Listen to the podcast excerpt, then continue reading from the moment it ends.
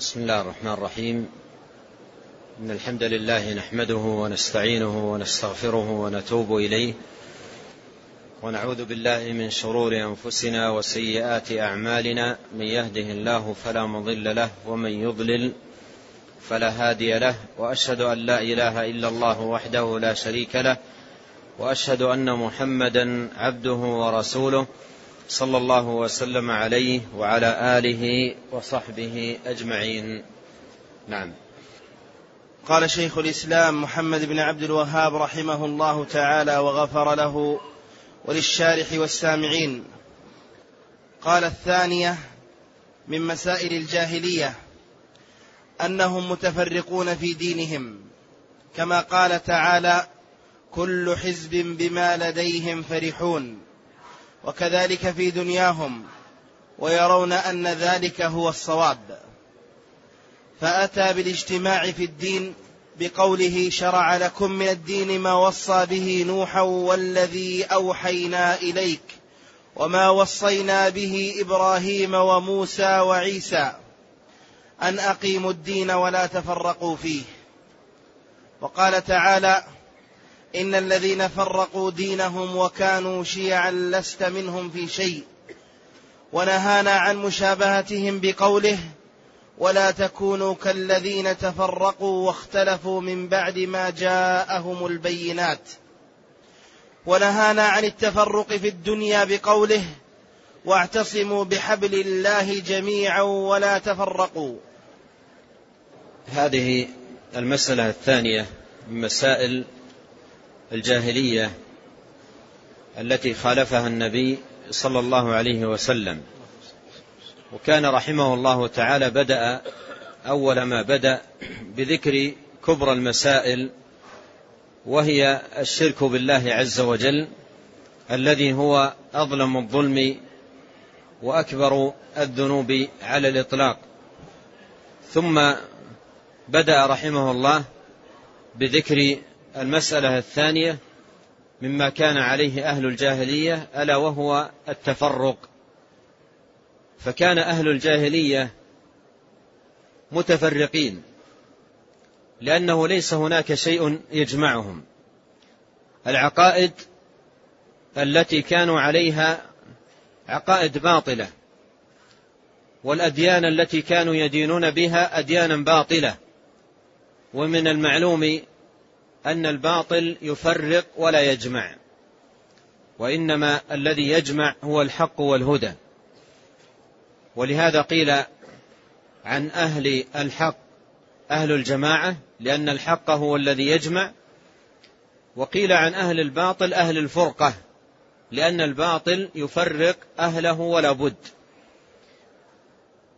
فأهل الجاهلية كانوا متفرقين.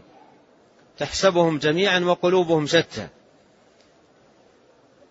العقائد التي يعتقدونها متفاوتة. عبدوا اربابا متفرقين فتفرقوا في أنفسهم واختلفوا ونشبت بينهم العداوات وأريقت فيهم فيهم الدماء وكثرت فيهم الفتن. وذلك كله لإعراضهم عن الحق والهدى.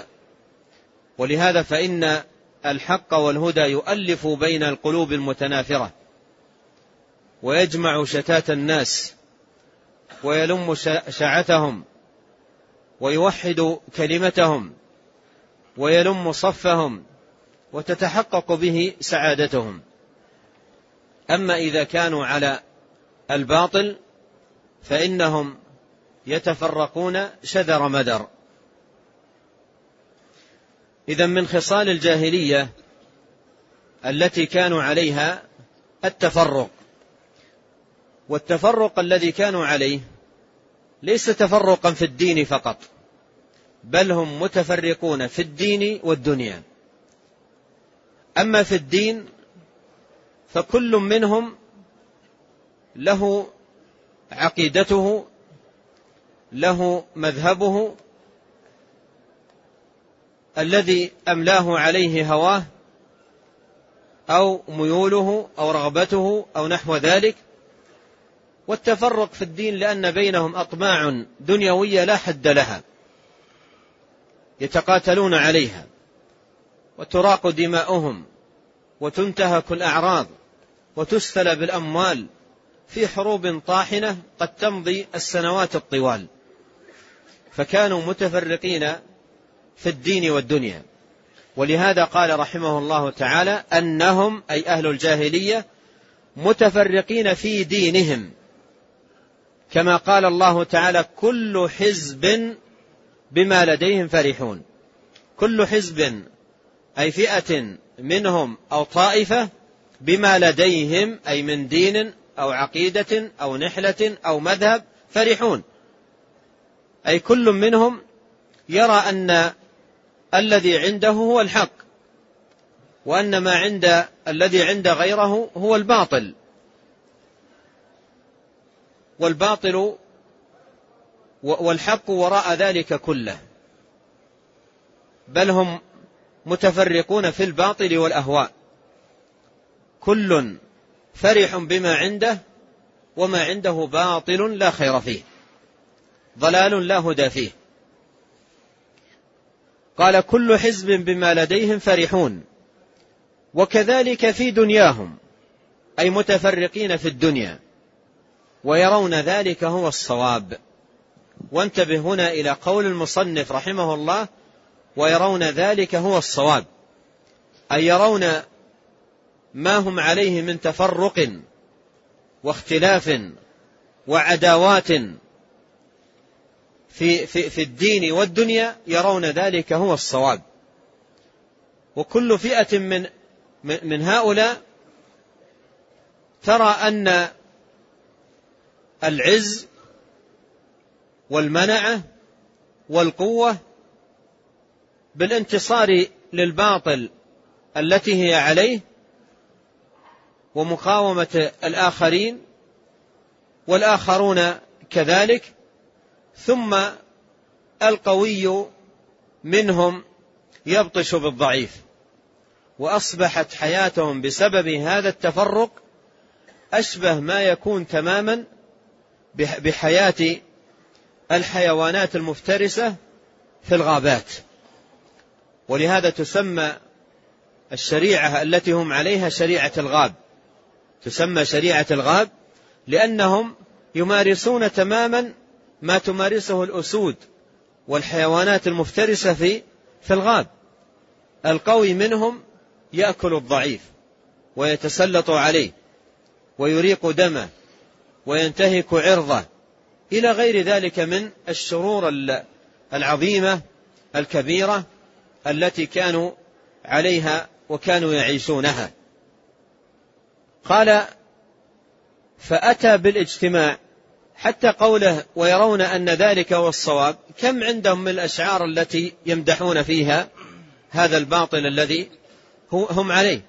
ويمدحون الانتصارات التي يحققونها في قتل من يسمونهم الأعداء وهم كلهم أعداء لدين الله وأعداء للحق والهدى لكنهم يتطاحنون ويتقاتلون على ضلال وباطل وضياع في الدنيا وفي الآخرة.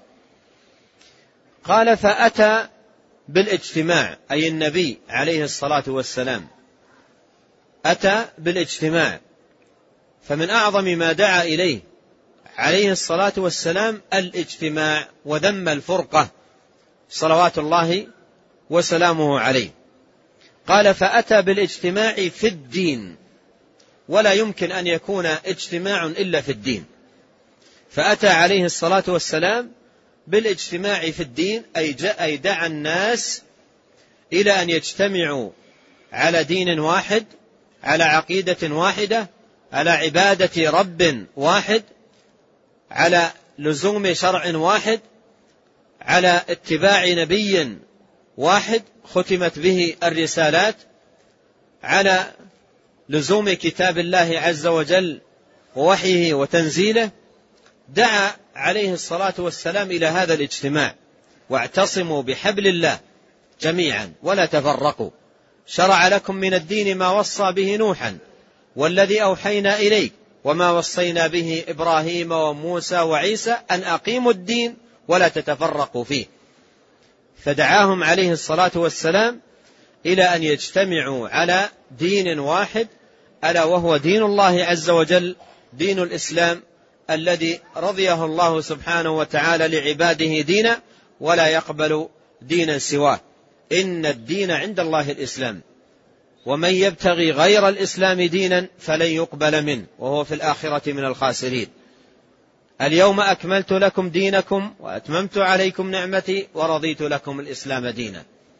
فدعا عليه الصلاة والسلام عموم الناس إلى أن يجتمعوا على هذا الدين دين الإسلام الذي يؤلف بين القلوب المختلفة والأنفس المتفرقة ويجمعهم على أحسن ما يكون من اجتماع وائتلاف.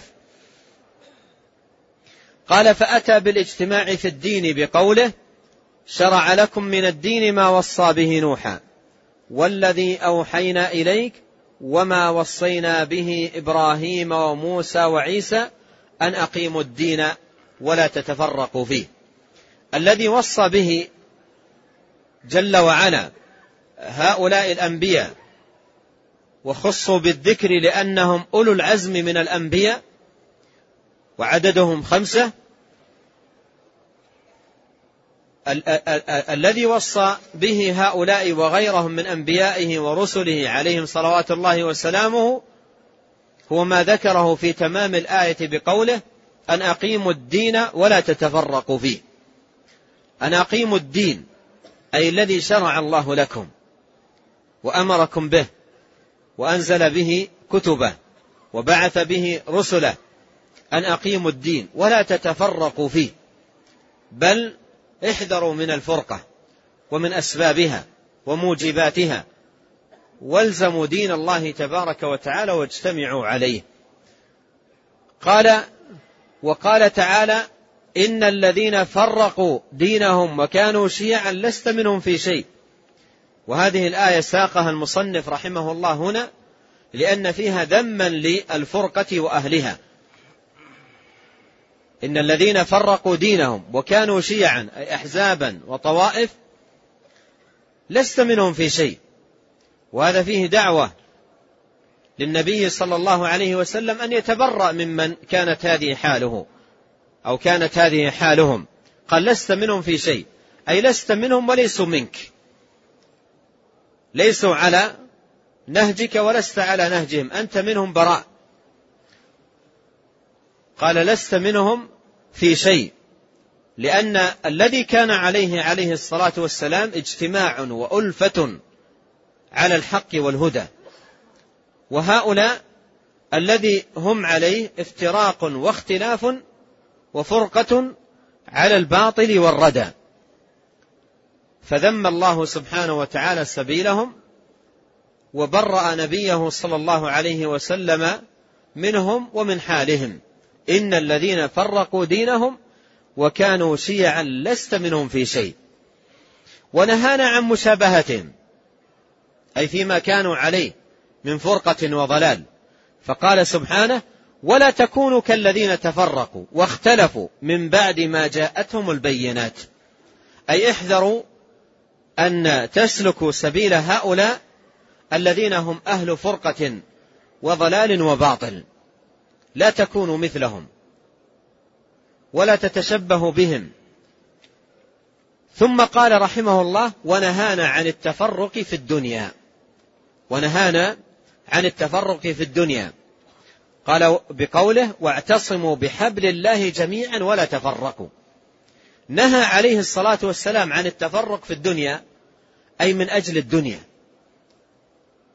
ولا تساوي الدنيا شيئا بحيث إنها تكون سببا لفرقة بين المؤمنين أو عداوات بين المسلمين. فالإسلام الذي هو علي الذي هم عليه هو المعيار الذي تجتمع عليه القلوب وتأتلف النفوس. ولا يجوز لأهل الإسلام أن تنشب بينهم فرقة وعداوات من أجل الدنيا التي سيفارقونها أجمعين ولا يبقون فيها. فالدنيا لا تساوي أن تنشب بين أهل الإسلام عداوات لأجلها. فنهى النبي صلى الله عليه وسلم عن الفرقة لأجل, لأجل الدنيا. وجاء عنه عليه الصلاة والسلام أحاديث عديدة في ذم التهاجر فوق ثلاث بسبب الأمور الدنيوية لأن قد يقع نزاعات وخلافات في أمور دنيوية فنهى النبي صلى الله عليه وسلم أن يهجر أخاه فوق ثلاث ثلاث أيام أو ثلاث ليالي بسبب الأمور الدنيوية والمصالح الدنيوية. فنهى عليه الصلاة والسلام عن التفرق في الدنيا. وأورد المصنف رحمه الله تعالى دليلا على ذلك وهو قول الله سبحانه وتعالى واعتصموا بحبل الله جميعا ولا تفرقوا. ووجه الدلالة من هذه الآية ما ذكره جماعة من المفسرين في معنى الآية أنها جاءت في سياق الامتنان على الأوس والخزرج الذين كانت قد نشبت بينهم حروب طاحنة قبل الإسلام وقتال طويل ودماء أريقت وأنفس أزهقت فجاءت هذه الآية في سياق الامتنان عليهم بمنة الإسلام الذي أذهب عنهم جاهلية الفرقة والقتال وإراقة الدماء والعداوات التي مبنية على ضلال وباطل. فجاءت الآية في سياق الامتنان عليهم بمنة الله عز وجل بالاجتماع على الدين. والحذر من الفرقة في الدنيا التي كان عليها أولئك. قال واعتصموا بحبل الله جميعا ولا تفرقوا واذكروا نعمة الله عليكم. إذ كنتم أعداء فألف بين قلوبكم. فهي جاءت في سياق الامتنان على هؤلاء الذين كانوا أعداء متفرقين لأجل الدنيا متحاربين عليها متعادين متباغضين. فجاءت هذه الآية تدعوهم إلى الاجتماع والاعتصام والألفة في سياق الامتنان عليهم بمنة الله عليهم إذ أنقذهم بالإسلام من الجاهلية والتفرق والقتال والعداوات العظيمة التي نشبت بينهم سنوات طوال وعمر مديد. إذا هذه من الخصال العظيمة التي أخبر أو جاء بها النبي عليه الصلاة والسلام ألا وهي الاجتماع مخالفا بذلك الفرقة التي كان عليها أهل الجاهلية. وانتبه هنا إلى أن نبينا عليه الصلاة والسلام مع تحذيره أمته من الاختلاف في الدين والاختلاف في الدنيا أيضا أخبر في الوقت نفسه أن الاختلاف سيوجد.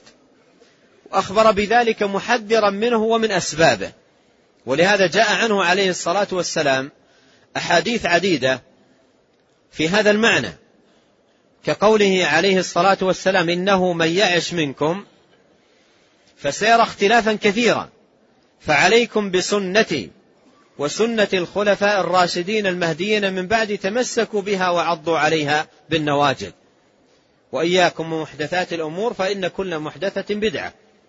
الشاهد من الحديث قوله إنه من يعش منكم فسيرى اختلافا كثيرا. قال ذلك على وجه التحذير للأمة. ولهذا أرشد عليه الصلاة والسلام في السياق نفسه دون أن يسأل عن موجبات الاجتماع والسلامة من الفرقة. فقال فعليكم بسنتي. ثم قال وإياكم ومحدثات الأمور. أيضا صح عنه عليه الصلاة والسلام أنه قال ستفترق افترقت اليهود على إحدى وسبعين فرقة وافترقت النصارى على اثنتين وسبعين فرقة وستفترق هذه الأمة على ثلاث وسبعين فرقة كلها في النار إلا واحدة. قال ذلك عليه الصلاة والسلام محذرا من الافتراق. ومبينا خطر الافتراق وأنه لا يجلب على الناس خيرا. بل يجلب عليهم شرورا كثيرة وأضرارا عظيمة. ولهذا ينبغي على كل مسلم أن يحذر من جاهلية الافتراق التي كان عليها أهل الجاهلية وجاء الإسلام بذمها والتحذير منها. والواجب على كل مسلم في هذا الباب أن يبحث عن أسباب الاجتماع والألفة والوحدة بين أمة الإسلام فيسعى في تحقيقها. وأن يعرف أيضا أسباب الافتراق ليحذر, ليحذر منها ويبتعد عنها. ويجب أيها الإخوة أن نعلم هنا أن أعظم أسباب الافتراق وجود مخالفات الدين من الشرك والعياذ بالله والبدع التي ما أنزل الله بها من سلطان.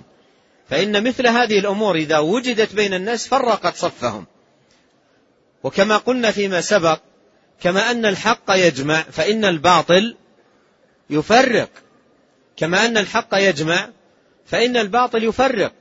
ولهذا الشرك إذا وجد والبدعة إذا وجدت والضلالات إذا وجدت فرقت الناس.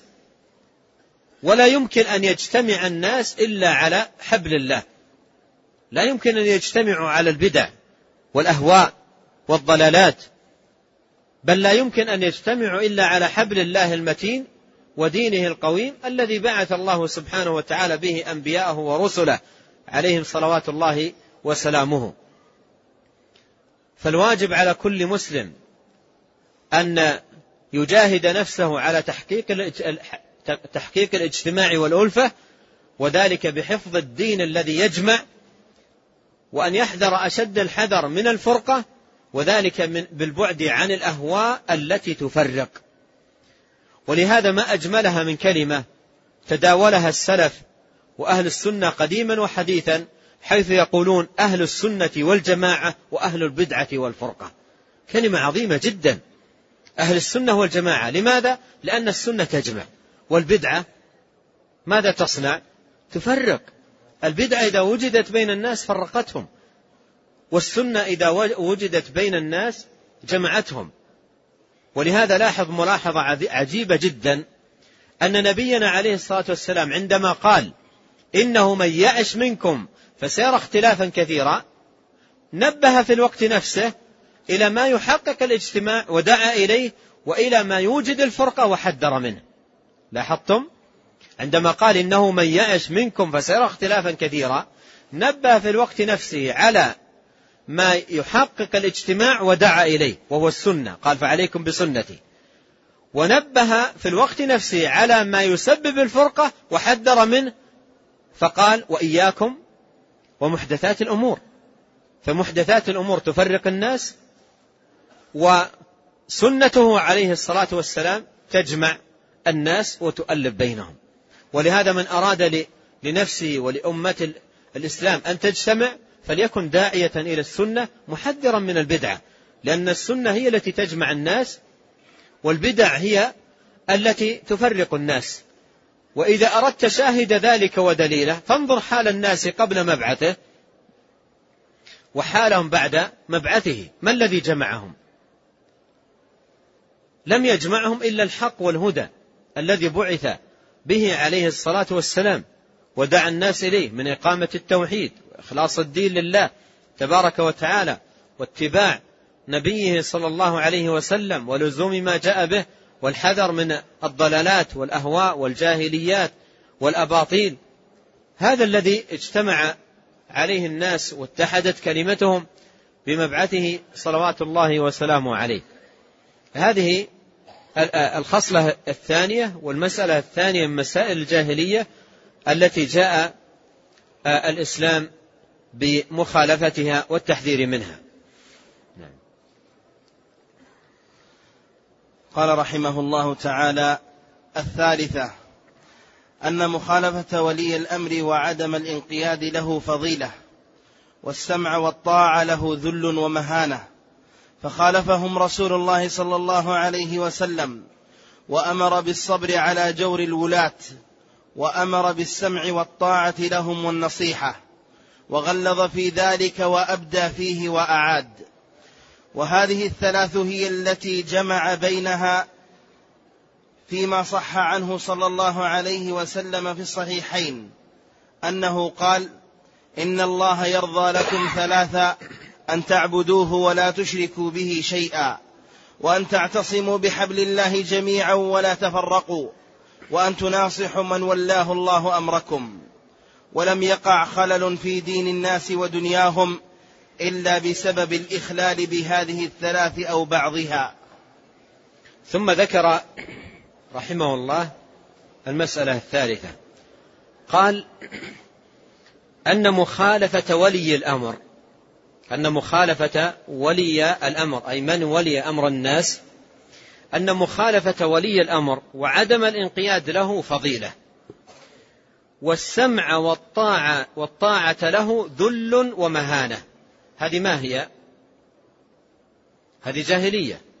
جاهلية كان عليها أهل الجاهلية قبل قبل الإسلام ومبعث النبي الكريم عليه الصلاة والسلام.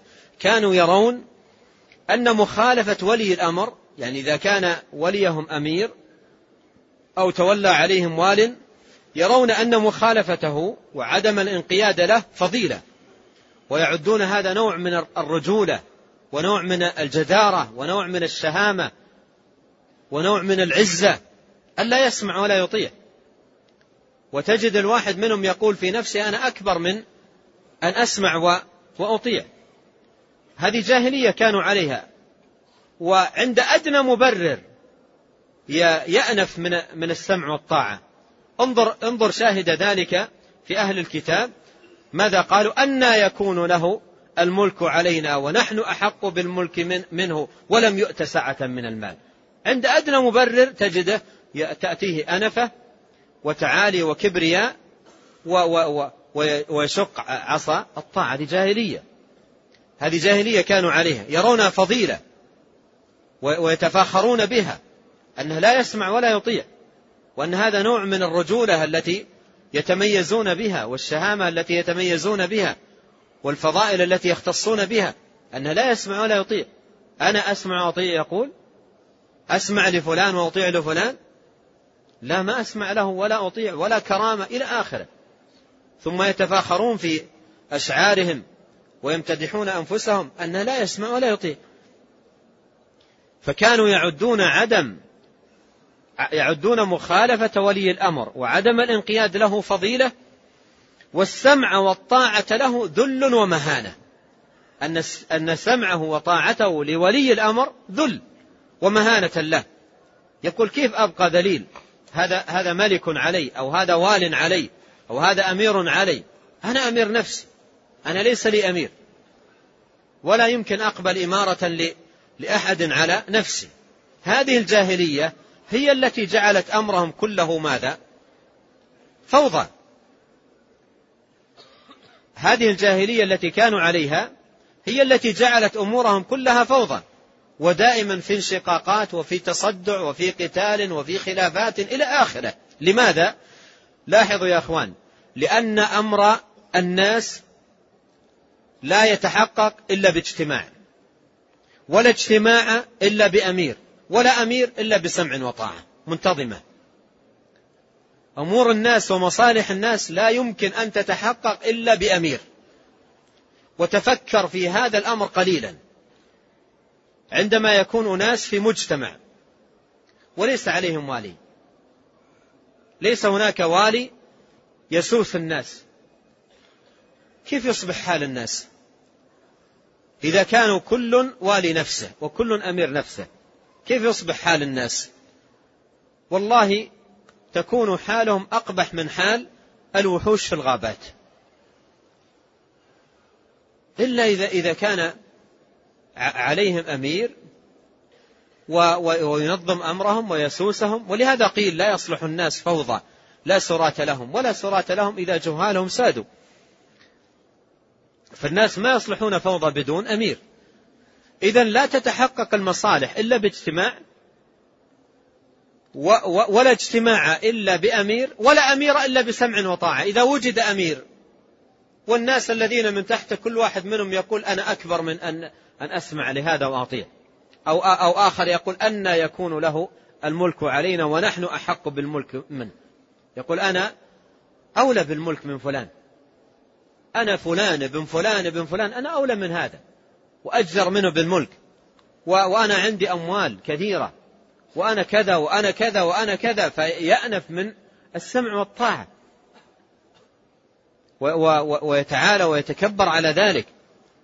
فهذه هذه هذه الجاهلية التي كانوا فيها هي التي فرقتهم. فجاء الإسلام بالاجتماع. وجاء أيضا بوجوب تنصيب الوالي والسمع والطاعة له. وجاءت في جاء في هذا الباب أحاديث كثيرة جدا. حتى من حتى إن من اهتمام النبي عليه الصلاة والسلام بمسألة السمع والطاعة لولي الأمر جعلها مضمومة إلى إقام الصلاة وإيتاء الزكاة ومباني الإسلام الموجبة لدخول الجنة. وقد قال ذلك في حجة الوداع في آخر حياته عليه الصلاة والسلام. في حديثه الصحيح. قال اعبدوا ربكم وصلوا خمسكم وصوموا شهركم وأدوا زكاة مالكم وأطيعوا ذا أمركم تدخلوا جنة ربكم. فذكر طاعة ولي الأمر السمع والطاعة لولي الأمر مع إقام الصلاة وإيتاء الزكاة وصوم رمضان وأداء الزكاة ضمها إلى مباني الإسلام وقال تدخلوا جنة ربكم. ومن الناس الذين دخلت عليهم هذه الجاهلية جاهلية عدم السمع والطاعة لولي الأمر تجد إذا قرأت عليه الأحاديث التي في الأمر بالصلاة يقبلها.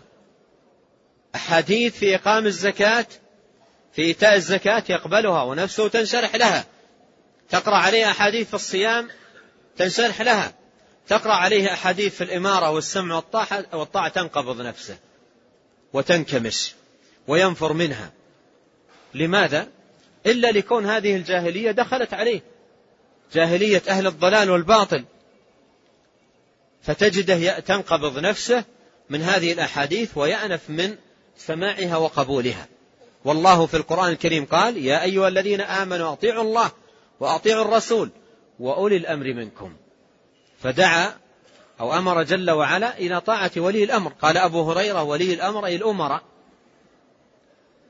والنبي صلى الله عليه وسلم قال من أطاع أميري فقد أطاعني. وجاء عنه في هذا الباب أحاديث كثيرة جدا. قال فخالفهم رسول الله صلى الله عليه وسلم. خالفهم أي في هذه الجاهلية جاهلية عدم السمع والطاعة والانقياد لولي الأمر. قال فخالفهم رسول الله صلى الله عليه وسلم وأمر بالصبر على جور الولاة. لاحظ هنا ملاحظة أن النبي عليه الصلاة والسلام أمر بالسمع والطاعة حتى للأمير الجائر. أمر أن يسمع له ويطاع. حتى ولو كان أميرا جائرا. ظالما. يسمع الإنسان ويطيع. لماذا؟ لأن مصلحة المجتمع الإسلامي لا يمكن أن تتحقق إلا بالانتظام. وساعة ساعة يعيشها الناس ساعة يعيشها الناس مع أمير جور خير من سنوات بلا أمير. لأنهم بلا أمير تصبح أمور فوضى لا حد لها. أما إذا كان الأمير جائرا نعم يتضررون في بعض الجوانب لكن في الجملة أمرهم منتظم. والأمن فيهم متحقق. ومصالحهم ماضية. ومثل هذه الأمور الكبار متحققة. فأمر عليه الصلاة والسلام بالسمع والطاعة حتى وإن جار الأمير وأمر بالصبر. ولهذا قال وأمر بالصبر على جور الولاة. جاء في الحديث الصحيح المتفق عليه أن النبي صلى الله عليه وسلم قال من رأى من أميره شيئا يكرهه فليصبر. وهذا قول المصنف أمر بالصبر. قال من, من رأى من أميره شيئا يكرهه فليصبر عليه فإنه من فارق الجماعة شبرا فمات إلا مات ميتة جاهلية. إلا مات ميتة جاهلية. قال النووي رحمه الله في شرح هذا الحديث في معنى قوله إلا مات ميتة جاهلية أي قال على صفة موتهم من حيث هم فوضى لا إمام لهم. الجاهلية هذه كانت حالهم فوضى لا إمام لهم. فمن مات مفارقا الجماعة منشقا عن السمع والطاعة نازعا يد الطاعة للأمير ومات على هذه الحال يكون مات موتة جاهلية. لماذا؟ لأن الجاهلية كانت أمورهم فوضى لا إمام لهم. وإذا وجد إمام لا يسمعون له ولا يطيعون.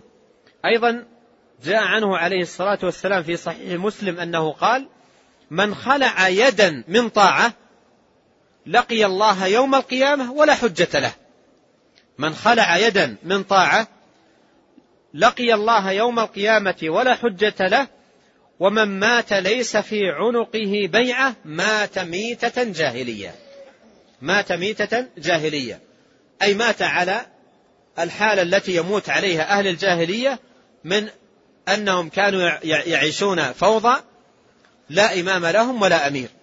فالإسلام جاء بمحاربة ذلك. ثم قال رحمه الله وأمر بالسمع والطاعة. وهذا جاء في أحاديث كثيرة. منها حديث العرباض بن ساري المشهور قال وعظنا رسول الله صلى الله عليه وسلم موعظة بليغة ذرفت منها العيون ووجلت منها القلوب. فقلنا يا رسول الله كأنها موعظة مودع فأوصنا. قال أوصيكم بتقوى الله والسمع والطاعة وإن تأمر عليكم عبد حبشي. قال أوصيكم بتقوى الله والسمع والطاعة وإن تأمر عليكم عبد حبشي. السمع والطاعة أي تسمع لقوله وتطيع لأمره. قال وغلظ قال نعم والطاعة لهم والنصيحة. وهذا في قوله عليه الصلاة والسلام في حديث تميم ابن أوس الداري قال عليه الصلاة والسلام الدين النصيحة الدين النصيحة الدين النصيحة. قلنا لمن يا رسول الله؟ قال لله ولرسوله ولكتابه ولأئمة المسلمين وعامتهم. فالنصيحة لولي الأمر مطلوبة. وما هي النصيحة؟ قال أهل العلم في معناها هي إرادة الخير للغير. النصح لولي الأمر أن تريد له الخير. تحب في قلبك له الخير.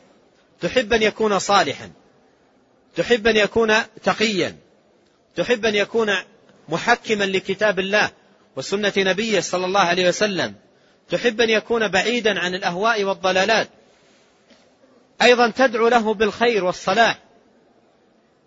تدعو له أن يصلحه الله وأن يصلح به البلاد وأن يذهب عنه البطانة الفاسدة وبطانة السوء. تدعو له بذلك.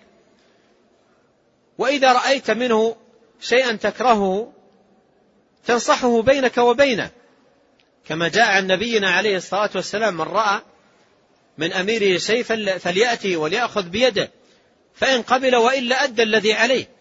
إذا كنت قادرا على ذلك وإذا كنت لست قادرا بلغ. من أهل العلم وأهل الفضل من يستطيعون ذلك تبرأ ذمتك بذلك وتبقى داعيا له بأن يصلحه الله وأن يهديه الله وأن يوفقه الله وأن يبعده عن الظلم عن إيذاء الناس إلى غير ذلك. تدعو له. فهذا فهذه النصيحة.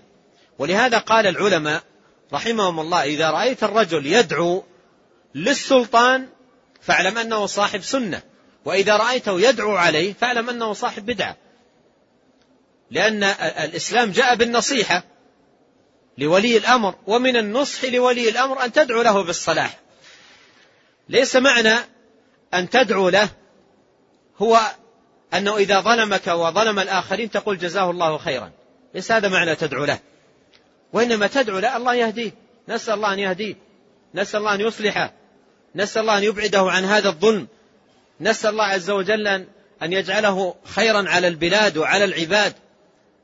هذا مقتضى النصيحة. أن تدعو له بالخير بالصلاح بالعافية بالهداية. حتى إن الفضيل بن عياض رحمه الله وهو من أئمة السلف قال كلمة عجيبة. قال لو كان لي دعوة مستجابة لجعلتها للسلطان. أي لا أجعلها لنفسي. لو كان لي دعوة مستجابة لجعلتها للسلطان. لماذا؟ لأن صلاح السلطان له وللناس. وهذا من فقه السلف رحمهم الله في, في هذا الباب.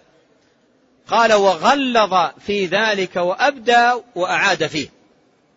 أي تكرر عنه في هذا المعنى أحاديث كثيرة جدا ثبتت عنه عليه الصلاة والسلام ومن يقرأ في, في, في, في صحيح مسلم كتاب الإمارة يجد عددا كبيرا من الأحاديث عنه صلوات الله وسلامه عليه كلها في التأكيد على على هذا المعنى. قال رحمه الله وهذه الثلاث أي, أي الخصال هي التي جمع بينها فيما صح عنه صلى الله عليه وسلم في الصحيحين. هذه الثلاث أي مخالفة المشركين في ما كانوا عليه من الشرك هذا الأول وما كانوا عليه من التفرق هذا الثاني وما كانوا عليه من عدم السمع والطاعة للأمير وهذا الثالث. يقول المصنف هذه الثلاث جمعها النبي صلى الله عليه وسلم في حديثه الثابت عنه في الصحيحين أنه قال إن الله يرضى لكم ثلاثا أن تعبدوه ولا تشركوا به شيئا وأن تعتصموا بحبل الله جميعا ولا تفرقوا وأن تناصحوا من ولاه الله أمركم. جمع هذه الثلاث في حديث واحد. ولاحظ يا أخي الكريم أن هذه الأمور الثلاث بينها ارتباط. ارتباط وثيق. الخصلة الأولى قال أن تعبدوا الله ولا تشركوا به شيئا.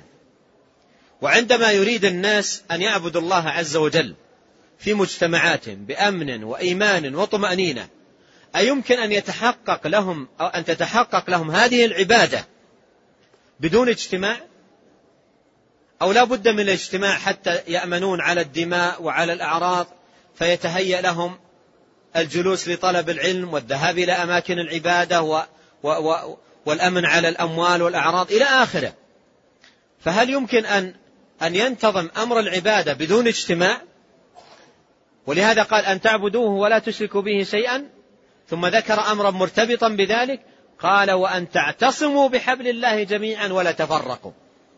لأن إذا تفرق الناس و و و وكثرت فيهم الفتن وعظم فيهم الهرج والقتل غفلوا عن العبادة. ولم تتحقق لهم العبادة على وجهها وتمامها لأن القلوب شغلت بالفتن والقتال إلى آخره. ولهذا قال وأن تعتصموا بحبل الله جميعا ولا تفرقوا. ثم ذكر الأمر الثالث مرتبط بما سبق قال وأن تناصحوا من والله, ولاه الله أمركم. تناصحوا أي تكونوا ناصحين لمن ولاه الله أمركم والنصيحة لولي الأمر بالدعاء له محبة الخير له السمع والطاعة له عدم نزع اليد من الطاعة عدم شق الصف عدم الخروج إلى آخره. فهذه أمور كلها منتظمة لا يمكن أن ينتظم أمر المسلمين إلا بها.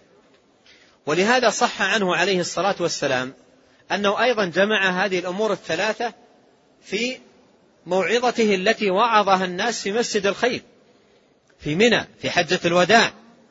عندما قال عليه الصلاة والسلام نظر الله امرأ سمع مقالتي فوعاها فأداها كما سمعها فرب حامل فقه غير فقيه ورب حامل فقه إلى من هو أفقه منه. ثلاث لا يغل عليهن قلب امرئ مسلم. إخلاص العمل لله. ولزوم جماعة المسلمين ومناصحة من ولاه الله أمرهم أو كما قال عليه الصلاة والسلام. فذكر هذه الأمور الثلاثة. الإخلاص لله ولزوم الجماعة ومناصحة من ولاه الله تبارك وتعالى أمر المسلمين. ولاحظ قوله هنا ثلاث لا يغل عليهن قلب امرئ مسلم. وهذا تنبيه لمفارقة المسلمين ما عليه أهل الجاهلية. لا يغل أي لا يحمل غلا. بل يخلص لله وقلبه مرتاح لذلك مطمئن به ويحافظ على الجماعة وهو مغتبط بها سعيد بها فرح بتحققها. وأيضا يسمع ويطيع لولي الأمر بدون أنفة. يسمع ويطيع لولي الأمر بدون أنفة وبدون كبر مما كان عليه أهل الجاهلية. ولهذا قال ثلاث لا يغل أي لا يحمل المسلم عليها غلا بل نفسه لينة بها مطاوعة ممتثلة لأن بها سعادة المسلمين في دنياهم وأخراهم. قال رحمه الله منبها على أهمية هذه المسائل الثلاث المجتمعة في هذا الحديث قال ولم يقع خلل في دين الناس ودنياهم إلا بسبب الإخلال بهذه الثلاث أو ببعضها. عندما يخل الناس بهذه الخصال الثلاث أو ببعضها فإنه يقع عليهم الخلل في دينهم ودنياهم. أما إذا حققوا العبودية لله والإخلاص له سبحانه واجتمعت كلمتهم وسمعوا وأطاعوا لولي أمرهم فإن مصالحهم الدينية والدنيوية تحقق. وأما إذا خلوا بهذه الثلاث أو ببعضها فإن مصالحهم الدينية والدنيوية تضيع. وإذا ضاعت مصلحة الدين تبعتها تبعها ضياع مصلحة الدنيا. نعم. قال رحمه الله تعالى الرابعة أن دينهم مبني على أصول أعظمها التقليد. فهو القاعدة الكبرى لجميع الكفار أولهم وآخرهم كما قال تعالى وكذلك ما أرسلنا من قبلك في قرية من نذير إلا قال مترفوها إنا وجدنا آباءنا على أمة وإنا على آثارهم مقتدون. وقال تعالى وإذا, وإذا قيل لهم اتبعوا ما أنزل الله قالوا بل نتبع ما وجدنا عليه آباءنا. قالوا بل نتبع ما وجدنا عليه آباءنا. أولو, كان أولو كان الشيطان يدعوهم إلى عذاب السعير. فأتاهم بقوله قل إنما أعظكم بواحدة أن تقوموا لله مثنى وفرادا ثم تتفكروا ما بصاحبكم من جنة. وقوله اتبعوا ما أنزل إليكم من ربكم ولا تتبعوا من دونه أولياء قليلا ما تذكرون. ثم ذكر رحمه الله الخصلة الرابعة من خصال الجاهلية أن دينهم مبني على أصول أعظمها التقليد. انتبه هنا. أن دينهم أي العقائد التي هم عليها والأديان التي يمارسونها ويعتنقونها مبنية على أصول أعظمها التقليد. قوله على أصول سيأتي ذكر بعضها. وبدأ بالتقليد لأنه أعظم أصل عندهم يبنون عليه أديانهم. والمراد بالتقليد أي أخذ قول أخذ قول الغير بغير دليل. يأخذ القول على عواهنه بدون دليل. وبدون معرفة حجة له ولا برهان. وإنما يأخذ قول الغير لأن الغير معظم عنده. إما معظم من جهة النسب والد أو جد أو نحو ذلك أو معظم من جهة المكانة في المجتمع. والمنزلة في المجتمع. فتجده يقلد الآباء والأجداد ويقلد الأشياخ بدون معرفة الدليل وإنما الذي يقولونه هو الحق. ولا يبحث في دليل ولا ينظر فيه. فأعظم أصل كانوا يبنون عليه أديانهم وعقائدهم هو التقليد. ولهذا اجتمعت كلمة المشركين من أول الزمان إلى آخره على الاحتجاج بهذا الأصل وتقديمه في باب الاحتجاج. ولهذا بدأ المصنف رحمه الله بهذه الآية وهي قوله وكذلك ما أرسلنا من قبلك في قرية من نذير قوله وكذلك ما أرسلنا من قبلك في قرية من نذير قوله في قرية نكرة وقوله من نذير أيضا نكرة وهذا يشعر بأنه عام لكل من كانوا قبلنا من أهل الشرك. كل من كانوا قبلنا من أهل الشرك قبل قبل مبعث نبينا عليه الصلاة والسلام كلهم كانوا على هذا السنن وعلى هذه الطريقة. إذا جاءهم نذير في مكان في قريتهم يدعوهم إلى الحق والهدى لا يقبلون دعوته بحجة ماذا؟ بحجة ماذا؟ قال وكذلك ما أرسلنا من قبلك في قرية من نذير إلا قال مترفوها إنا وجدنا آباءنا على أمة وإنا على آثارهم مقتدون. هكذا يستدلون. استدلالهم تقليد الآباء كيفما اتفق وعلى أي حال كانوا. نحن وجدنا آباءنا على أمة أي على طريقة وعلى ملة وعلى ديانة ونحن على طريقتهم. لا نحيد عنها قيد أنملة ولا ننظر في كلامك ولا نلتفت إليه ولا نتفكر فيه ولا نسمع لك. نحن وجدنا آباءنا على أمة ونحن ماضون على ما كان عليه الآباء. تقليد أعمى. تقليد أعمى. أصبح الواحد منهم أسلم عنقه ورقبته إلى هؤلاء يقودونه إلى ما هم عليه من ضلال لا يتفكر ولا يتدبر بل ولا يجرؤ أي واحد منهم أن يقول للكبراء الذين عنده إيش الدليل؟ أو ما الحجة على العقيدة التي تعتقدونها؟ وهذه الجاهلية مكن لها بعض دعاة الباطل ونحن عرفنا فيما سبق ما من خصلة من خصال الجاهلية إلا وسيوجد في الأمة من من يفعلها. مكن بعض دعاة الباطل وأئمة الضلال لهذه الخصلة التي التقليد الأعمى مكنوا لها في في نفوس العوام. ولهذا بعضهم يقولون وانظر إلى هذه الجاهلية يجب أن تكون مع الشيخ كالميت مع المغسل. يجب أن تكون مع الشيخ كالميت مع المغسل. الميت الآن مع المغسل كيف حاله؟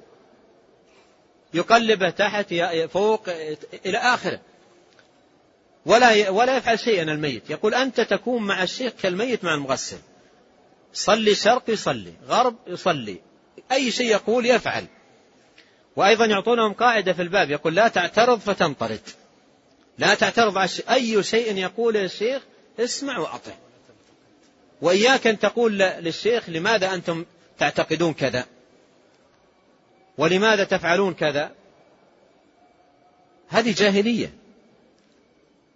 تغرس في نفوس الجهال والعوام ولهذا لا يتفكرون في حق ولا يتدبرون. ولهذا بدأ المصنف رحمه الله بالتنبيه على هذه الجاهلية حتى يحذر المسلم ألا يكون على هذه الجاهلية. ألا يحذر أن يحذر المسلم ألا يكون على هذه الجاهلية التي كان عليها أهل الباطل. بل ينبغي أن أن يتبين الحق وأن يتبصر والحق أن حق أن يتبع. حتى لو مضيت على الباطل آه، ستين سنة سبعين سنة ثم تبين لي الحق لا غضاضة الرجوع إلى الحق خير من التمادي في الباطل. قال رحمه الله أن دينهم مبني على أصول أعظمها التقليد فهو القاعدة الكبرى لجميع الكفار أولهم وآخرهم. وانتبه لقول القاعدة الكبرى أي التي يبنون عليها أديانهم. ذكر أيضا قول الله تعالى وإذا قيل لهم أي للمشركين الكفار اتبعوا ما أنزل الله. إذا قيل لهم اتبعوا ما أنزل الله بماذا يحتجون؟ وبأي شيء يستدلون؟ على عدم قبولهم ما أنزل الله؟ وإذا قيل لهم اتبعوا ما أنزل الله قالوا بل نتبع ما وجدنا عليه آباءنا. ثم يذكر ما يدل على بطلان ذلك. يقول أولو كان الشيطان يدعوهم إلى عذاب السعير؟ أي لو كان الشيطان يدعو آباءكم إلى ما يؤدي بهم إلى السعير إلى النار أيضا تمشون؟ أرأيتم شخصا لو كان أباه يمشي أمامه إلى حفرة سحيقة هل يغمض عينيه؟ ويمشي وراءه ويلقي نفسه بالحفرة؟ أم يقول لأبي لأبيه إذا كان أمامه انتبه هذه حفرة تهلكك. لا تمضي فيها يمنع والده. أما هو في نفسه ممتنع. لكن هؤلاء والعياذ بالله تقليد أعمى وعندهم أنفة. عندهم أنفة من أن يخرج الواحد منهم عن عن دين آبائه. حتى إن بعضهم قد عرف أن دين محمد عليه الصلاة والسلام هو الدين الصحيح ولكنه لم يفارقه لأجل هذا التقليد الأعمى. واعتبروا هنا أيها الإخوة بقصة أبي طالب عم النبي. يقول المسيب بن حزن لما حضرت النبي صلى الله عليه وسلم لما حضرت أبا طالب الوفاة أتى النبي صلى الله عليه وسلم إليه وجلس عنده. وكان عنده بعض رؤوس الكفار ومنهم أبو جهل وعبد الله بن عبد الله بن أمية. كانوا جالسين عنده. فقال له النبي عليه الصلاة والسلام يا عم قل لا إله إلا الله. كلمة أحاج لك بها عند الله. فقال له أبو جهل ومن عنده؟ بل على ملة عبد المطلب. أي بل قل على ملة عبد المطلب. لماذا؟ وهذا السؤال أنبهكم أن تجيلوا الفكرة فيه. لماذا قال له بل على ملة عبد المطلب؟ يعني لماذا لم يقل بل على دين عبادة الأصنام بل على الدين الذي نشأنا عليه؟ نص على كلمة على ملة عبد المطلب. بل على ملة عبد المطلب. لأن هذه لأن هذا أصل كبير. لأن هذا أصل كبير متمكن في النفوس. مثل عندنا قال الله تعالى. تماما. قال الله تعالى إذا قلت للمسلم قال الله تعالى يعظم القرآن تعظيما بليغا يقول ليس لي كلمة مع قال الله تعالى. هذا أصل كبير يعتبر عندهم. ولهذا ذكره بهذا الأصل الكبير دون غيره. قال بل على ملة عبد المطلب. يعني على التقليد الذي نحن عليه للآباء والأجداد ما نتحرك عنه قيد أنملة. فعاد النبي صلى الله عليه وسلم عليه. قال يا عم قل لا إله إلا الله كلمة أحاج لك بها عند الله. قالوا له بل على ملة عبد المطلب. فمات والعياذ بالله وهو يقول هو على ملة عبد المطلب. مات وهو يقول هو على ملة عبد المطلب. وحزن النبي صلى الله عليه وسلم وقال لأستغفرن لك ما لم أنه عن ذلك. فأنزل الله عز وجل قوله ما كان للنبي والذين آمنوا أن يستغفروا للمشركين ولو كانوا أولي قربى. وأنزل الله تسلية لنبيه قوله سبحانه إنك لا تهدي من أحببت ولكن الله يهدي من يشاء. فهذه حجة مضى عليها أهل الشرك وهي كبرى حججهم وأعظم أصولهم التي يبنون عليها أديانهم وعقائدهم. قال المصنف فأتاهم أي النبي عليه الصلاة والسلام بقوله قل إنما أعظكم بواحدة أن تقوموا لله مثنى وفرادى ثم تتفكروا ما بصاحبكم من جنة. لأنهم قالوا فيما قالوا في شأن النبي عليه الصلاة والسلام إنه لمجنون إنه لمجنون وقالوا كاهن وقالوا ساحر إلى آخر ذلك. فالنبي عليه الصلاة والسلام طلب منهم ألا يستمعوا لهذه الكلمات هكذا بل يتفكروا. ما وجه الشاهد من الآية لذم التقليد؟ ما وجه الشاهد من الآية لذم التقليد؟ المقلد يأخذ قول الآخر بدون دليل وبدون تفكر وبدون تدبر. أما الذي يتفكر ويتدبر وينظر في حقيقة الأمر تنكشف له حقائق غير الذي قيلت له. أنا أضرب لكم مثالا جميلا. من أجمل ما يكون في هذا الباب. في صحيح مسلم حديث ابن عباس في قصة ضمام الأزدي. ضمام الأزدي جاء إلى مكة في أول مبعث النبي عليه الصلاة والسلام. جاء إلى مكة في أول مبعث النبي عليه الصلاة والسلام. فكان إذا مشى في طرقات مكة يسمعهم يقولون إن محمدا مجنون. انتبه معي الآية ما بصاحبكم من جنة. هم بينهم يروجون في الناس محمد مجنون. وكل ما جاء شخص إلى مكة من الغرباء قالوا له انتبه عندنا واحد اسمه محمد مجنون لا تقربه عقله مختل لا تأتي عنده ولا تسمع له. إذا أخذ قولهم هكذا إذا أخذ قولهم هكذا كما قالوا قبلوا بدون دليل وبدون تفكر لن يقرب من محمد عليه الصلاة والسلام أبدا ولن يسمع له. من الذي يريد أن يجالس مجنونا؟ من الذي عنده وقت يذهب ويجالس مجنون أو يسمع لمجنون؟ فكانوا يضعون هذه الكلمات للصد. ضمام دخل مكة فكان يسمع الناس في الشوارع يقولون محمد مجنون. الكلمة فاشية في مكة. الله أكبر الآن في مكة تتردد محمد رسول الله صلى الله عليه وسلم. وفي ذاك الوقت كانت مكة يتردد فيها وفي أرجائها وفي شوارعها بين الناس محمد مجنون. هذا الذي يتردد في, في, في طرقات مكة وشوارع مكة محمد مجنون. وكل ما دخل واحد لا يسمع من الناس إلا هذه الكلمة. ضمام دخل إلى مكة وسمع الناس يقولون محمد مجنون. فماذا قال؟ قال إنني راق كان يرقي. وبعض أهل الجاهلية كان عندهم الرقية. وفي الحديث قال النبي عليه الصلاة والسلام اعرضوا علي رقاكم. لا بأس بالرقية ما لم تكن شركا. قال إن إنني إنني لراق أنا راقي. وشفى الله سبحانه وتعالى على يدي هكذا قال شفى الله على يدي من شاء.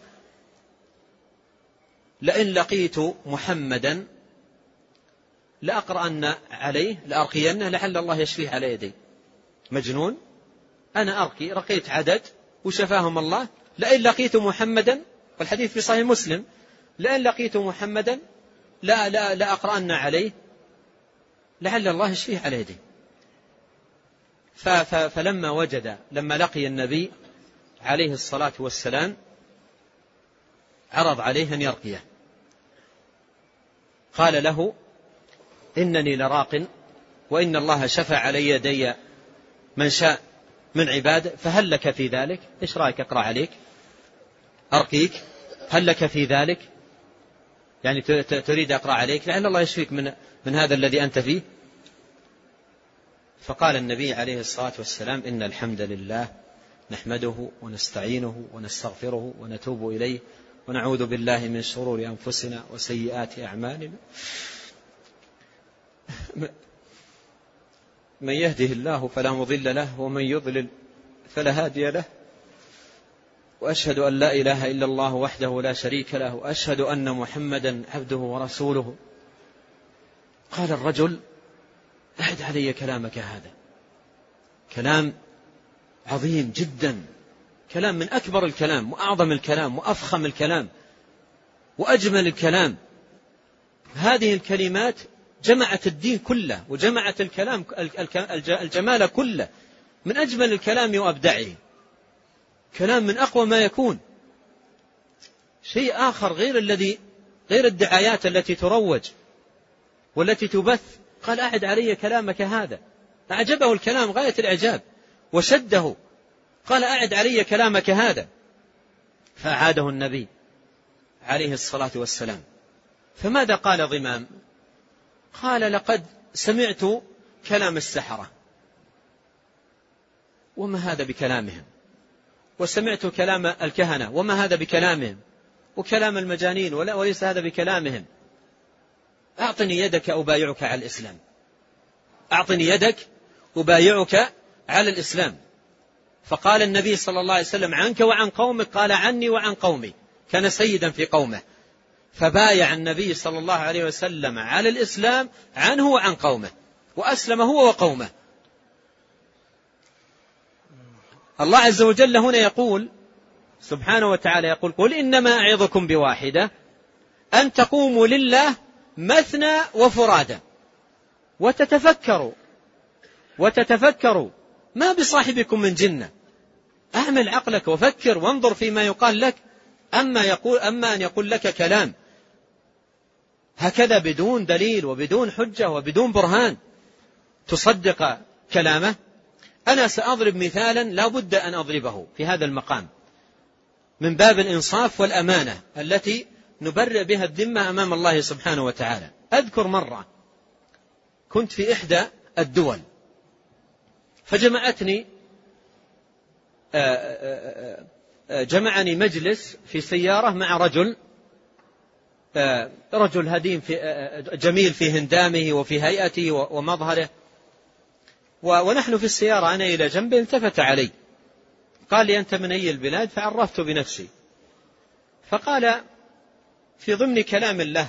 قال عندكم محمد بن, عبد الوهاب هذا رجل يكره النبي صلى الله عليه وسلم ويكره آل البيت.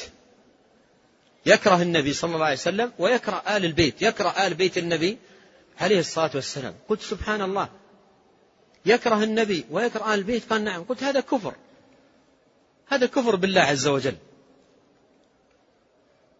وين وجدت هذا الكلام؟ نسأل الله العافية. يكره النبي. هكذا قلت له. يكره النبي. ويكره آل البيت. قال نعم. قلت هذا كفر بالله. أعوذ بالله. وين وجدت هذا الكلام؟ في أي كتاب؟ في أي آه، كتاب من كتبه وجدت أنه يكره النبي أو أن كتب محمد عبد الوهاب كما تعرف ولا أدري هل يعرف ذلك أو لا مات من أكثر من مئة سنة. وله كتب. في أي كتاب من كتبه وجدته يعلن كراهيته للنبي؟ عليه الصلاة والسلام ويعلن كراهيته للبيت. قال موجود. قلت أعطنا الموجود. وين الموجود هذا؟ كتب موجودة حتى هنا عندكم. إذا تحب نجلس أنا وإياك ونذهب ونقرأ في كتبه أرني هذا. حتى أنا أرجع نذيرا للناس أحذرهم من هذا الرجل الذي يكره النبي. يا أخي وين هذا الكلام؟ بهذه الصفة أنا كنت أتحدث معه. قلت يا أخي أطلعني على هذا. قال موجود قلت أعطنا الموجود. قلت أنا بزيدك من الأمر. قلت لي إذا أعطيتني من كتبه هذا الذي تذكره عنه أنا سأعطيك لقاء أتعابك وجهدك وتعاونك معي سأعطيك مبلغ وأعطيت مبلغ مغري جدا من المال. قلت هذا المبلغ وكان معنا سائق السيارة وشخص آخر راكب في الكلام كانوا يسمعون الحوار الذي بيني وبينه. فالتفت علينا سائق السيارة متفاعلا مع الحديث وقال أيوة صح امشي معاه وطلع له الكلام و و ويعطيك المبلغ. قلت له تجي معانا؟ قال لا أنا أجي معاكم كمان سائق السيارة. فكان كنا متفاعلين في الحديث.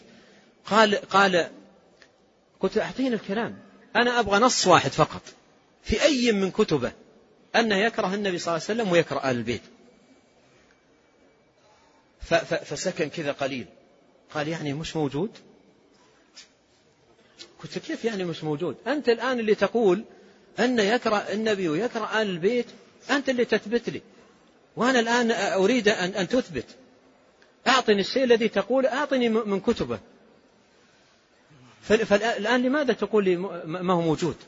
أنت لما تقول إنه يكره معناته عندك حجج وعندك أدلة تثبت ذلك قاطعة. هل ترضى أني أنسب لك شيء الآن وأنا ما رأيت ما عندي دليل عليه؟ قال لا ما أرضى. قلت كيف ترضى لهذا العالم والإمام أن تنسب له كفر بالله سبحانه وتعالى وأنت ما عندك دليل ولا برهان؟ قلت له يا أخي الشيخ محمد بن عبد الوهاب له ستة أولاد. تدري ما أسماءهم؟ قال لي نعم قلت واحد اسمه الحسن. واحد الحسين وعلي وابراهيم وعبد الله وفاطمة. كلهم بأسماء آل البيت. وواحد اسمه عبد العزيز ليس اسمه من أسماء ال البيت. والباقين كل أولاده يسماهم على آل البيت. هذا إيش هذا؟ قال كيف؟ قلت ما أدري. أنت أنت الآن الذي تبين لنا الأمر. قلت له الآن أنا سأنهي عن معك الحديث بكلمة واحدة. قلت أنت ستقف أمام الله سبحانه وتعالى بكلماتك هذه إذا لم تتب منها ستلقى الله سبحانه وتعالى يوم القيامة ويكون خصمك هذا الرجل الذي تفتري عليه وتتقول عليه ما هو منه براء وما يبرأ منه آه، أقل مسلم فضلا عن إمام جليل من أئمة المسلمين. وقلت له أنا أزيدك من الأمر أنا ملتزم لك أن أطلعك في كتبه كلها تعظيم النبي عليه الصلاة والسلام وتوقيره والذب عنه واحترامه صلى الله عليه وسلم والذب عن سنته و و و و والذب عن آل بيته وبيان مكانة آل البيت وفضلهم إلى غير ذلك. هذا كله موجود في كتب الشيخ. قال عجيب. فالشاهد ماذا؟ الشاهد أن بعض الناس عندهم تقليد أعمى. والتقليد الأعمى قبول قول الغير بلا دليل. قبول غير الغير قبول غير قول الغير بلا دليل. ويمشي في في مثل هذا التقليد الأعمى والعياذ بالله ويمضي عليه ثم يموت والعياذ بالله وهو عدو للدين وعدو لأولياء الله عز وجل وعدو للصالحين من من عباده. الشاهد أن المصنفون قال فأتاهم الله بقوله قل إنما أعظكم بواحدة أن تقوموا لله مثنى وفرادى ثم تتفكروا ما بصاحبكم من جنة. الشاهد من الآية أن الله دعاهم للتفكر والتفكر أمر لا يقوم به المقلد التقليد الأعمى. قال وقوله اتبعوا ما أنزل إليكم من ربكم ولا تتبعوا من دونه أولياء قليلا ما تذكرون. الشاهد من هذه الآية أن الله عز وجل أمر باتباع المنزل منه سبحانه وتعالى وحذر من اتباع الأولياء من دونه الذين يدعون الناس إلى تقليدهم والأخذ عنهم بلا حجة ولا برهان. هذه المسألة الرابعة من المسائل التي خالف النبي صلى الله عليه وسلم فيها أهل الجاهلية. ومن نجاه الله عز وجل من مثل هذا التقليد الأعمى ولا سيما في مثل هذا الزمان لشيوخ الباطل وأئمة الضلال يوفقه الله سبحانه وتعالى لكل خير ولعلي أختم الحديث بقصة أخرى مفيدة في بابنا ذكرها لرجل من الجمهوريات الإسلامية التي انحلت وخلصها الله عز وجل من ما كان يسمى بالاتحاد السوفيتي. رأيت رجل في تلك المناطق قال لي قصة عجيبة. قال أول رجل عربي زارنا بعد الانفتاح رجل من بلاد كذا سمى لي بلده ولا حاجة لذكر بلده. فألقى كلمة عندنا في المسجد فألححت عليه أن يأتي عندي البيت. يقول وكان قبل مجيئه كان وصلني كتاب جميل جدا للشيخ محمد عبد الوهاب كله آيات وأحاديث قرأته وأعجبني. آيات وأحاديث. قال الله قال رسوله صلى الله عليه وسلم. يقول أعجبني الكتاب وقرأته كثيرا. يقول فجاء الرجل وجلس عندي وكان الكتاب بجنبه. فلما رأى وقرأ اسم الشيخ رمى الكتاب بقوة في الأرض. وقال كيف تدخل مثل هذا الكتاب؟ وذكر ألفاظ قبيحة له. كيف تدخل هذا الكتاب عندك؟ يقول أنا هالني الأمر. مع أني قرأت الكتاب أكثر من مرة لم أرى فيه إلا آيات وأحاديث. وتفكرت في الأمر. قلت إذا كان هذا الكتاب فيه باطل فالباطل في الآيات والأحاديث. لأن الكتاب ليس فيه إلا آيات وأحاديث. يقول هكذا, هكذا تفكرت في الأمر. ثم ذهبت إلى الكتاب وحملته برفق وأدب مع الكتاب مع كلام الله وكلام رسوله.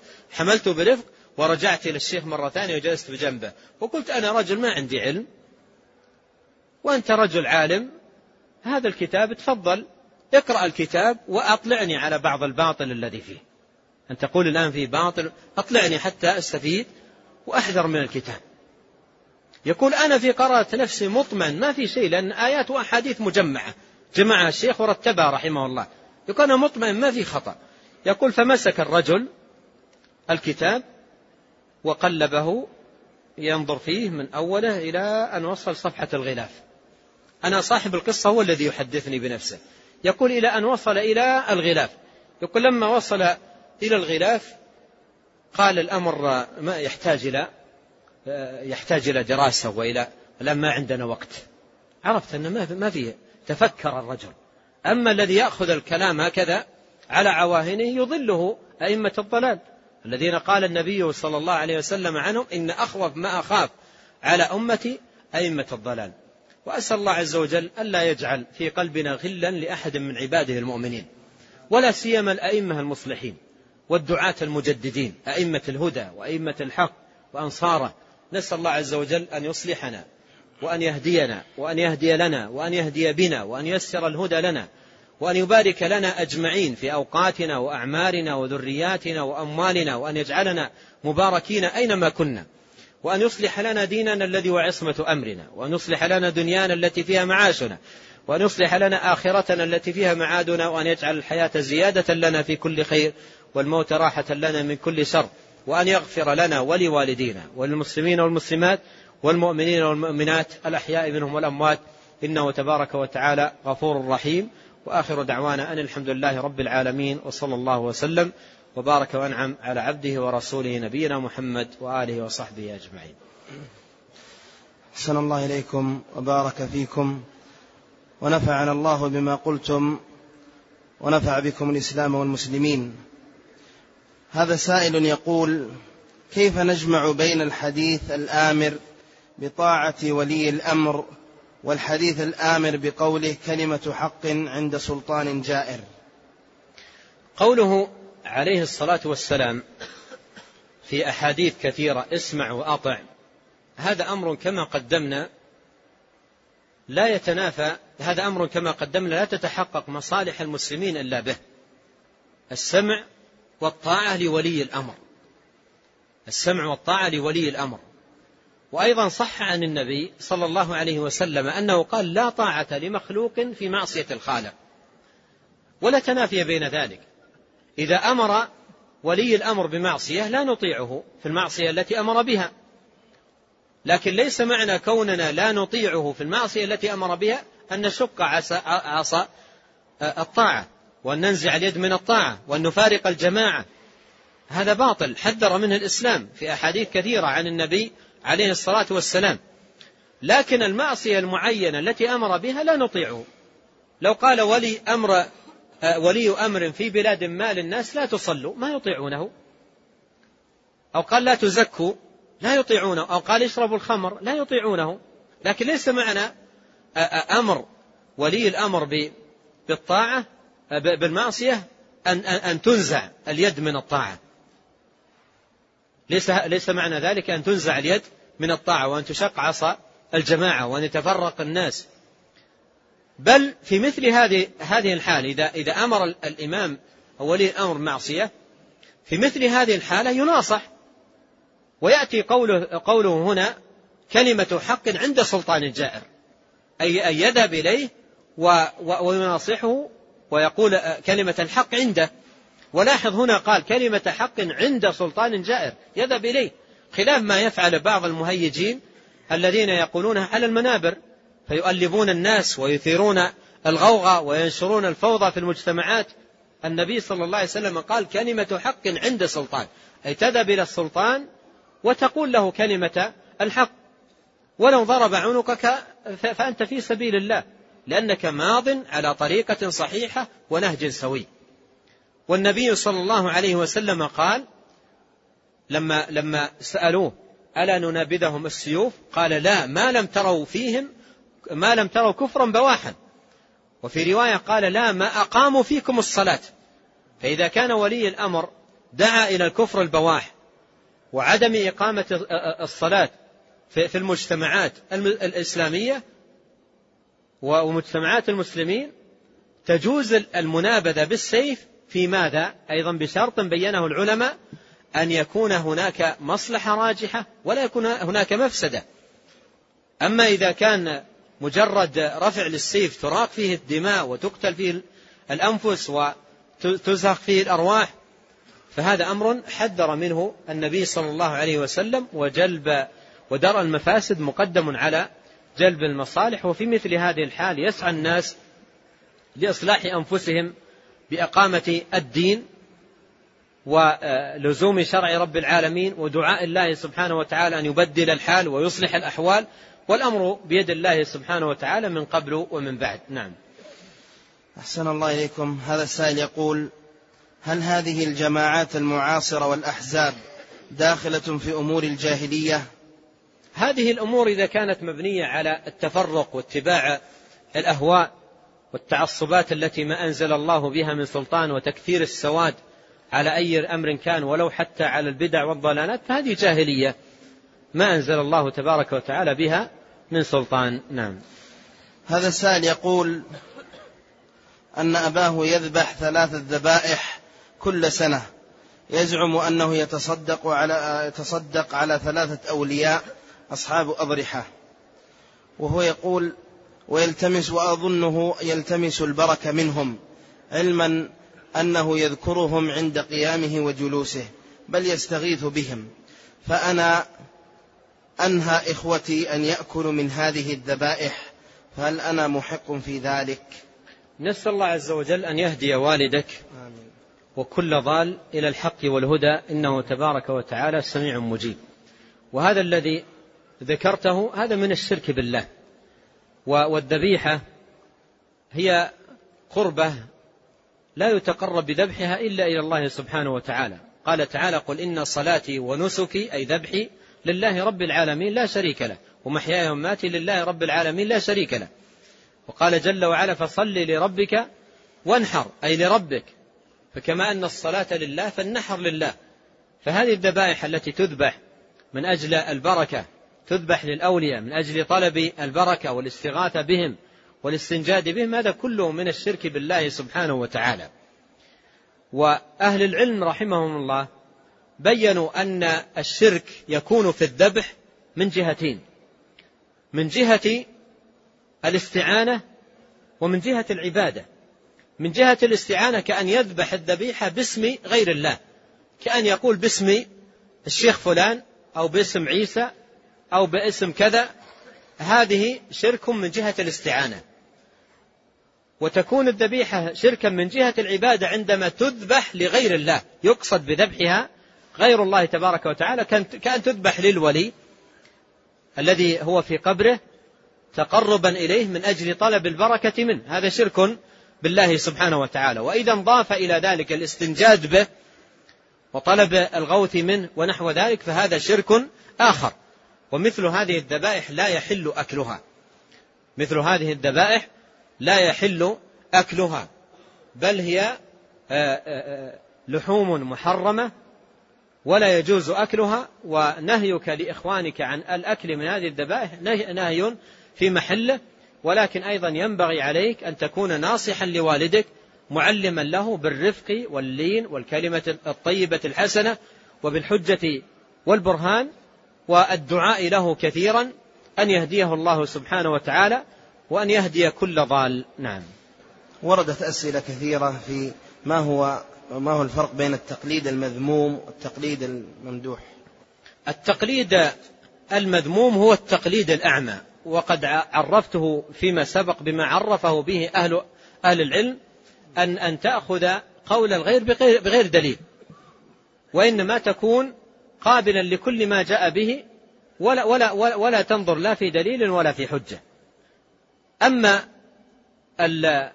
التقليد الذي لا يذم فهو سؤال الإنسان لأهل الذكر ومن يثق بهم من أهل العلم ولا سيما في المسائل التي يقصر العوام الجهال عن معرفتها وضبطها فيكتفي بالأخذ بقول العالم الراسخ المحقق الذي تبصر وعرف دين الله سبحانه وتعالى يأخذ بقوله عملا بقوله تعالى فاسألوا أهل الذكر إن كنتم لا تعلمون ويأخذ بقوله دون تعصب الله إذا تبين له فيما بعد أن الحق بخلاف ما ما قاله وأرشده إليه انتقل إلى الحق. أما المقلد التقليد الأعمى لا لا يتحرك عن قول آه، إمامه أو شيخه أو معظمه قيد انمله حتى لو بين له أنه باطل لا يقبل. ذلك وهذه هي الجاهلية التي كان عليها أهل الجاهلية والباطل والتي خالفها نبينا صلوات الله وسلامه عليه والله أعلم وصلى الله وسلم على عبد الله ورسوله نبينا محمد وآله وصحبه أجمعين.